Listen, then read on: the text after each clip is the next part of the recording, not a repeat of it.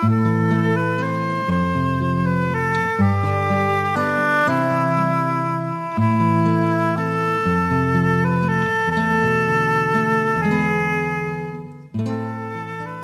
aande hierdie tyd is dit storietyd. Baie welkom weer eens by Kortom. Vanaand gaan ons luister na 'n aangrypende storie van Esther Stein wat ek gevind het in haar bundel Biegebrief van Tafelberg en die verhaal se titel is Die boodskapper. Juanita Swanepoel gaan dit vir ons lees. Lekker luister.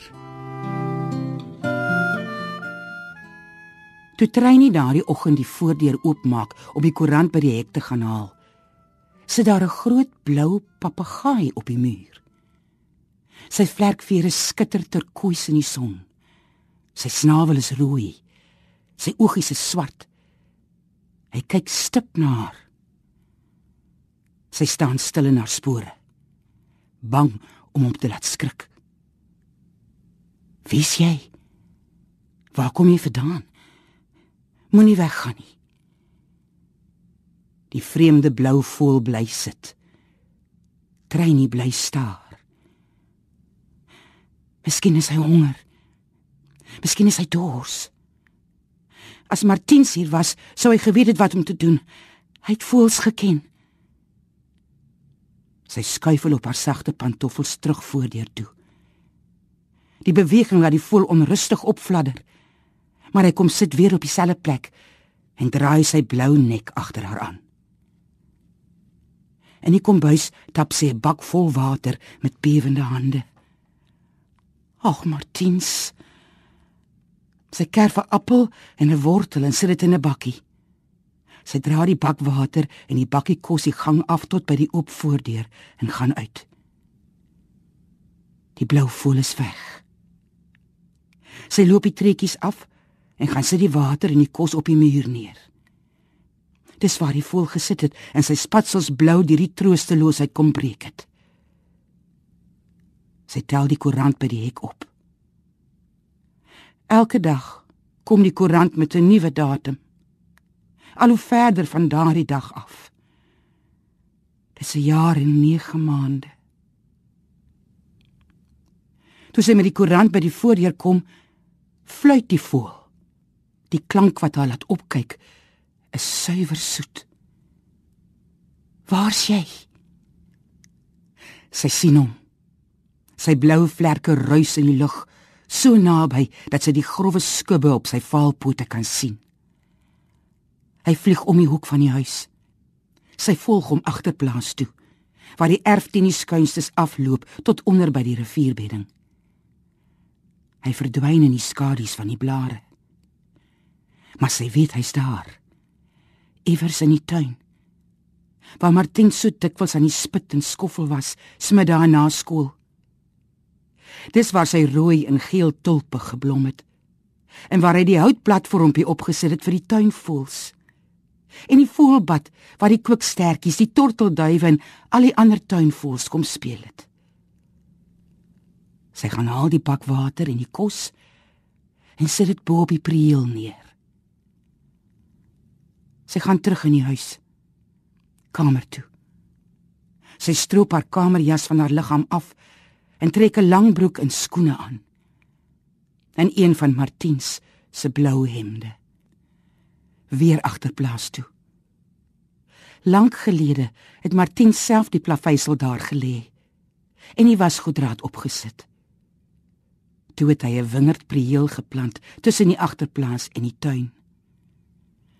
Dis nou amper 2 jaar dat sy nog nie weer verder as die prieel was nie. Agter die prieel lê Martin se tuin. Sommige naweke het Martin se paar van die graad 10s uit die koshuis gekry om hom te kom help. Vir al vier van hulle. Dan het hulle die ruigtes oopgeknip en beddings aangelê. En teen 12uur het sy vir hulle kos en koeldrank op die agterstoep gegee. Die jong stemme het saam met Martin se diep stem oor die werf weer klink. Sy onthou die bruin gebrande arms vol skrape van die bosse. Koppe wat gretig oor die borde beboetie en rys buk. Partykeer was dit worsbroodjies. 'n Volgende keer lasagne. Somstyds het sy pinkpudding gemaak. Na ete het hulle afgedrentel rivier toe en daar gaan swem. Wat het van hulle geword? Hulle moet nou in graad 12 wees. Jori, Dewald, Klein Dirk en Alwyn. Op die dag van die begrafnis het hulle regop in hulle skoolbaadjies met rooi gehuilde oë as erewag gestaan. Hulle Martin se kinders. In die eerste 7 jare van hulle huwelik het die volle omvang van Dr Daniel Hilcout se uitspraak stadig maar seker begin deurdring. Daar sou nie kinders wees nie.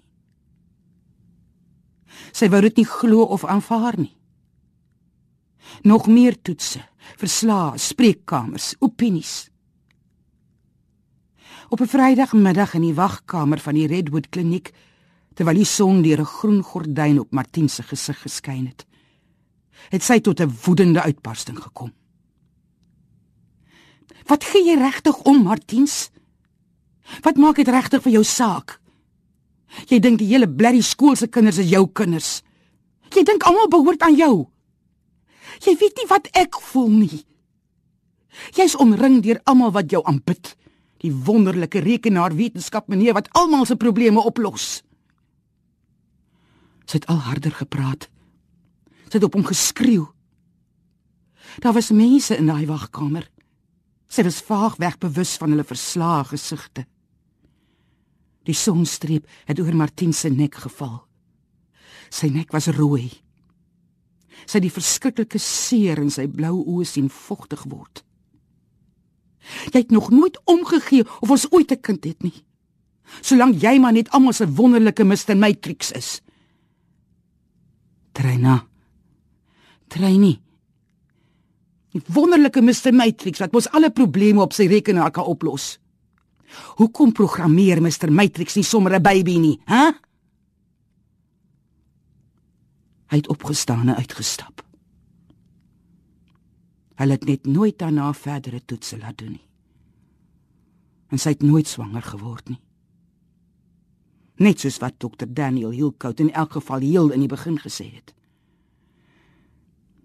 Sy daardie aand in Martin se arms gaan lê en bitterlik gehuil. Ek is jammer. Ek voel so seer. Ek weet, het hy gesê. Ek weet. En ek verstaan dat jy tog nie oor die skoolkinders kan voel soos ek nie. Nee, ek kan nie. Want dis ander mense se kinders. Haar oë soek deur die bome en die bosse na die blou voël die eksotiese blou spatsel wat so onverwags opwinding gebring het. Asof hy haar hier na Martin se tuin toe wou lok. Wat wou hy kom sê? Sy stap deur die prieel tot in Martin se tuin. En kyk verslae om haar heen. Wat daar groentebeddings was, is nou net willeboskasies. Die bosse plambeigo en die bougainvillea het alles verdring. Die platform met die voelbakkie daarop het heeltemal toegegroei.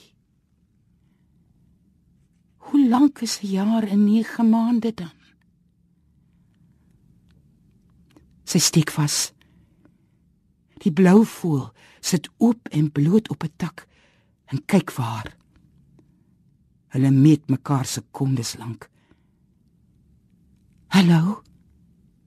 sê sy sag. Hy draai sy blou koppie skief asof hy luister. Die vreugde wat in haar opspring is soos Martien se arms rondom haar. Die blou voël kom elke dag. Soggens sit sy vir hom gekerfde appel, neute en span spek uit in 'n bak bo op die prieel aan die rand van Martien se tuin en vars water. Dan kom hy en kap sy rooi snavel kliphard teen die kosbak, asof hy vir haar wil laat weet hy's daar. Na ruk vlieg hy na Martin se tuin toe. En laat in die middag kom sy lang uitgerekte fluit deur die takke. Partykeer fluit sy terug. Dan antwoord hy haar op haar eie toonhoogte. Dan fluit sy weer in langer en korter tone. En hy antwoord die deentjie met sy eie weerklank. Hulle weet van mekaar. Op die vierde dag is hy die oggend laat met die kosbak. En toe sy by die agterdeur uitkom, sit hy op die lae muurtjie voor die agterdeur vir haar en wag. Hy kyk haar nuuskierig aan. Hy is so naby dat sy die blou ring rondom sy swart oogappel kan sien en die geel punt van sy rooi snavel. Sy staan doodstil met die kosbak in haar hand. Wat is jou naam? Waar kom jy vandaan? Dan praat sy sag. Hallo. Mr Matrix. Met eens weer galm sy krakerige stem oor die agterstoep. Mornings, mornings. Sy wil lag en sy wil huil. Iemand het van 'n vreemde plek af gekom om vir haar te kom môre sê. Mornings, mornings, het Martiens altyd gesê wanneer hy soggens koffie voor haar neersit. Sy kon nooit verstaan hoe hy so vroeg aan die gang kon kom nie. Teen daai tyd het hy alreeds sy ronde by die voeltjies se platform gemaak. Daar's drie kleintjies in die koekies se nesie. Oral was daar nessies vol kleintjies. Oral was daar wiggies vol babetjies. En al wat sy gehad het, was vir Martiens met die wye mond en die blou oë en die hande wat ferm om haar middel kon vat. Die middel wat skraal en plat gebly het. Al was sy al amper 40. Van daardie dag af kom sit Mr Matrix soggens op die agterstoep se muurtjie en wag haar in.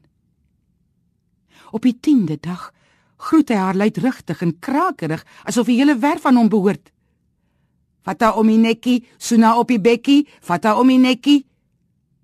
Treinie begin kliphard lag. En toe begin sy huil. Martiens was saans ure lank op die rekenaar besig. Daar het sy vir hom koffie geneem en dan haar hande op sy skouers gesit en dit liggies masseer. Moenie ophou nie, treintjie. Het hy behaaglik gesug en partykeer het hy haar nader getrek teen sy groot lyf. En dan het sy mond haar nek gesoek, haar lippe, haar lyf. Fata om my nekkie. Suna op die bekkie. So het Mr Matrix gesê. Sy loop na Martin se studeerkamer. Die rekenaarskerm lyk grys en koud. Op die lesenaar se blad lê die ringmerke van Bekers koffie. Hy het die aand gesê dat dit vir hom voel asof hy sooi brand het. Sy het vir hom 'n pil in die badkamerkassie gaan haal. Hy was besig met vrae stelle. Sy het vir hom nagesê en kamer toe gegaan. 'n Halfuur later het sy 'n geluid gehoor en opgestaan. Martin sit op die vloer gelê. Sy skakel die skool se nommer.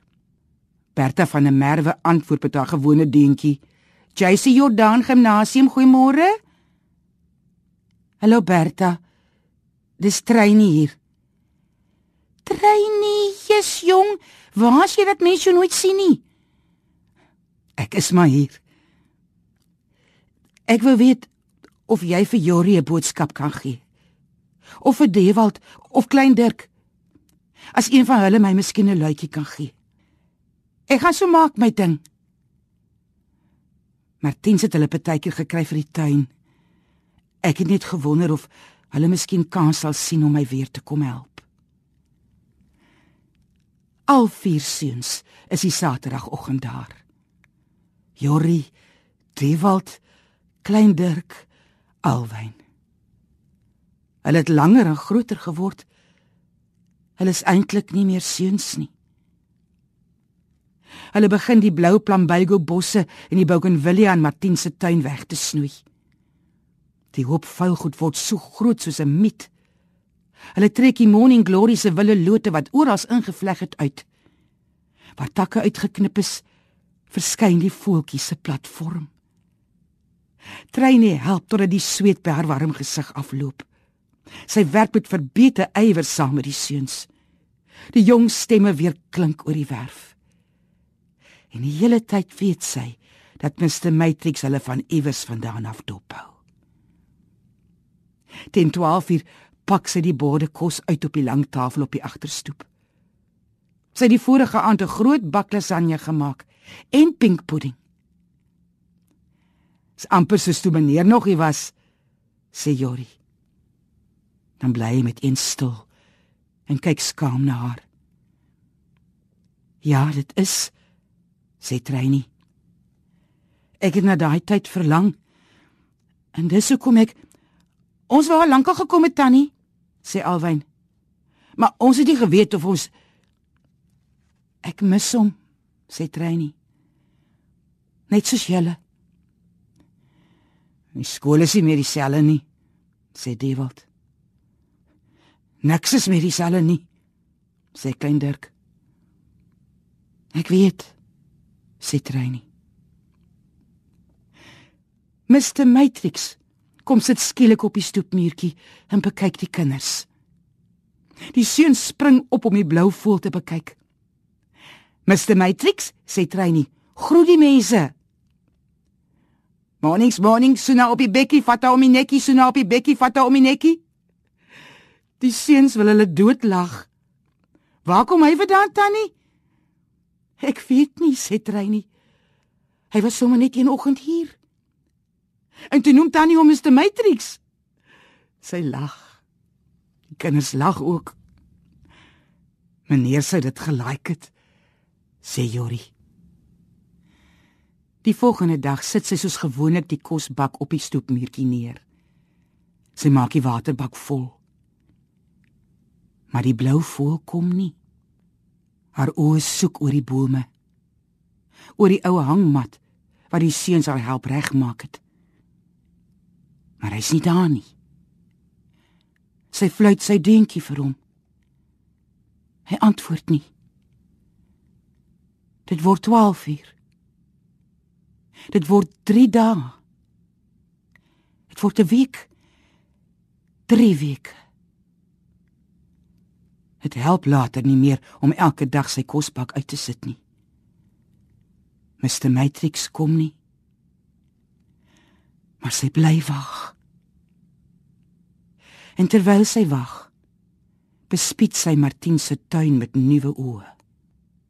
'n Jan Frederik kom kordaat met sy oranje borsie onder 'n bos uit aangehop, wip tot bo op 'n tak en begin 'n aanhoudende soetstrelende deuntjie te sing.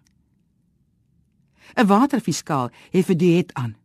"Kokko," roep hy. "Kwiet," antwoord sy maat in perfekte harmonie. 'n vrypostige Kaapse tiptol val energiek weg met piet piet patata. Martiens, jou tuinkoor was nog die hele tyd hier. Sy gaan koop 'n groot pak willevoelsaad. Sy skrob die voeltjie bad op die platform silwer skoon. Sy sit pap uit en stukkies vrugte en geweekte brood met vet in soos Martiens altyd gemaak het en sy kyk elke dag hoe die voeltjies by die feesmaal kom aansit. Selfs die patryse kom weer. Sy gaan lê in die ou hangmat en kyk op na die brokkies blou daarbo wat tussen skerwe skadu deurdring. Martiens kyk hoe mooi lyk dit nou hier. Die seuns kom my gereeld help. Hulle het nou elkeen hulle eie groentebedding aangelê. Dis Jorie se tomaties en Dewald se eie. Alwyn is verlief op Bertha van die skool se meisiekind. Klein Dirk se ouers is toe uitmekaar en hy's baie hartseer. Ek het hom gesê hy kan hier kom bly as hy wil. Hy wil volgende jaar vir predikant gaan leer. Ek gaan die buitekamer vir hom regmaak. Hulle mis jou. Hulle het my gehelp om die ou hangmat weer reg te maak. Onthou jy hoe ons lank gelede saam hier gelê en wieg het? Lyf teen lyf. Ek en jy. Ek mis jou Martiens. Ek mis Mr Matrix. Miskien sal ek eendag nie net stukkies blou hemel sien nie. Maar wie weet, weer turkoisvlerke wat oor die tuin heen fladder. Ek sal bly wees as hy weer kom. Die kinders ook Martiens. Ons kinders.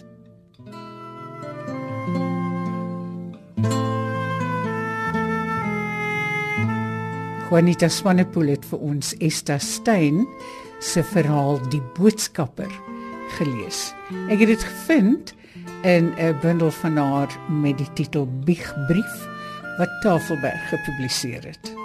Van my Margolite alles van die aller aller allerbeste tot volgende keer. Mag dit met ons almal goed gaan. Totsiens. thank you